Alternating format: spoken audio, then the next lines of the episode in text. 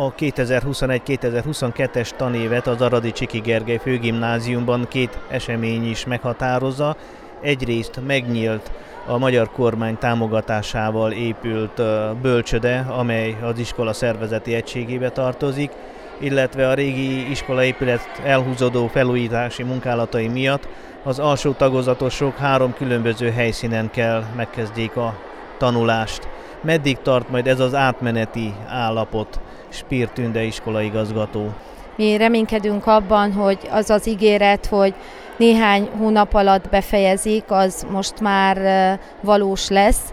Igyekeztünk megoldani azt, hogy délután ne kelljen egyik osztály sem járjon. Ez az állapot ebben a helyzetben a legjobb, amit ebből kihozhattunk.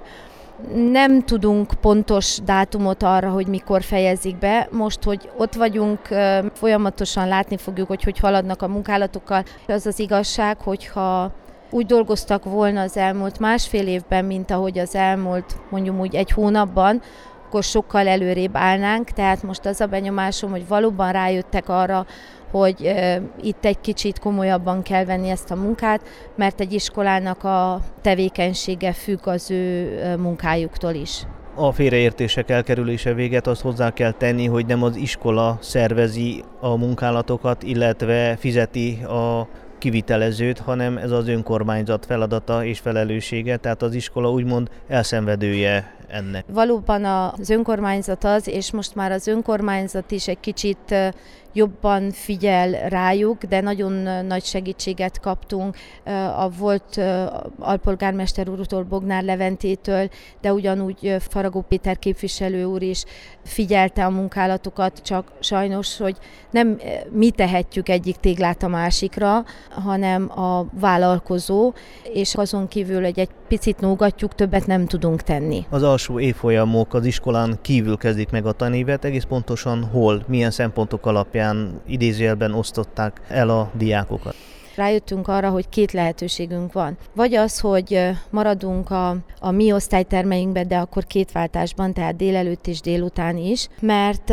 sem a városházától nem kaptunk olyan szempontból segítséget, hogy felajánljanak valamilyen termeket, sem a tanfelügyelőség nem tudott délelőtt termeket biztosítani nekünk más iskolába, délután lehetett volna rá lehetőség. Viszont diákjainknak nagyon nagy része ingázik, már ötödiktől kezdve, az azt jelenti, hogy délutáni oktatásról szó sem lehetett. Akkor vetődött fel a kérdés, hogy a Minorita rendháznak van néhány terme, mennyi az az annyi, amennyit a, a rendelkezésünkre tudnak bocsátani. Szeretném azt kiemelni és elmondani, hogy az első kérésre nagyon lelkesen reagáltak, és kiderült, hogy öt osztálytermet tudnak nekünk biztosítani. Azért gondoltunk a kicsikre, azaz az elemi osztályosokra, mert ők azok, akik egész nap a tanítóval vannak, és úgymond a tanító egész nap figyel a diákokra.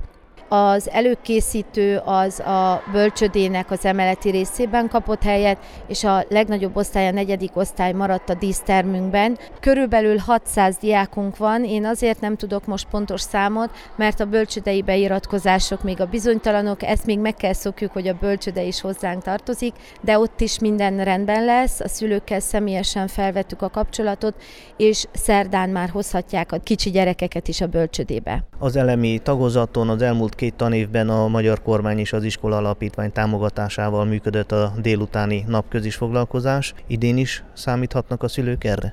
Ahogy minden évben soha nem az első iskolai nap kezdenek, mert azért vannak administratív ügyek, amit meg kell oldani, és ezért szeptember 27-ére tervezzük a kezdést.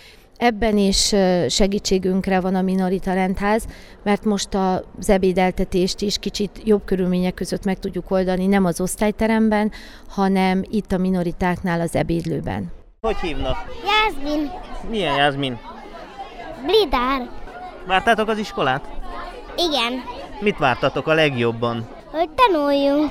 A Csiki Gergely főgimnázium előkészítő osztályosait Laib György tanító fogadta. Milyen érzés egy-egy új évfolyamot fogadni? Nagyon nagy változás, hogy leadjuk a negyedik osztályt, és kapunk előkészítősöket, mert azért a negyedikesek már úgy ki vannak úgy faragva, vagyis elég nehéz az átállás, de ezt remélem, hogy gondolom és tudom, hogy rendben leszünk. Idén 25 előkészítős iratkozott be, körülünk, hogy olyan helyekről is jöttek előkészítősök magyar tagozatra, akikről mi úgymond nem is tudtunk, akik például Újaradon, vagy Mikalakán, vagy egészen máshol jártak óvodába román tagozatra.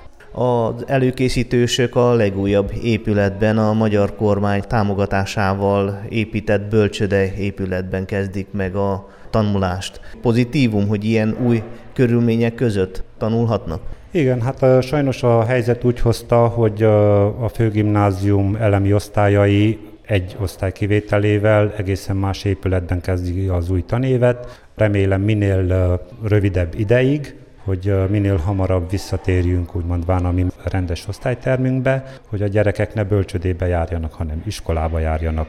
A negyedik osztályosok kivetik a munkát Faragó Péter parlamenti képviselő kezéből, hiszen átadták az előkészítő osztályosoknak azokat az iskolatáskákat, amelyeket az RMDS Arad megyei szervezete a Rákóczi Szövetséggel közösen biztosít a legkisebbeknek. Miket tartalmaznak ezek az iskolatáskák? Ennek a tanévkezdésnek mindig az egyik fénypontja az előkészítős gyermekek fogadása, és a negyedikesek, mint búcsúzó, kisiskolások fogadták az előkészítőseket egy nagyon szép játékkal, egy nagyon szép műsorral. Idén sem volt üres ez az iskolatáska, hisz füzeteket, ceruzákat, vízfestéket, különböző tanszereket, taneszközöket is tartalmazott, és ezáltal a szülőknek kevesebb dolguk van, kevesebbet kell költsenek majd erre. Minden iskolatáskát és az abban levő tanszereket, taneszközöket Arad megyében a mai napon minden előkészítős gyermek átveheti. A kollégáim jelen vannak minden iskolában, minden tanévnyiton.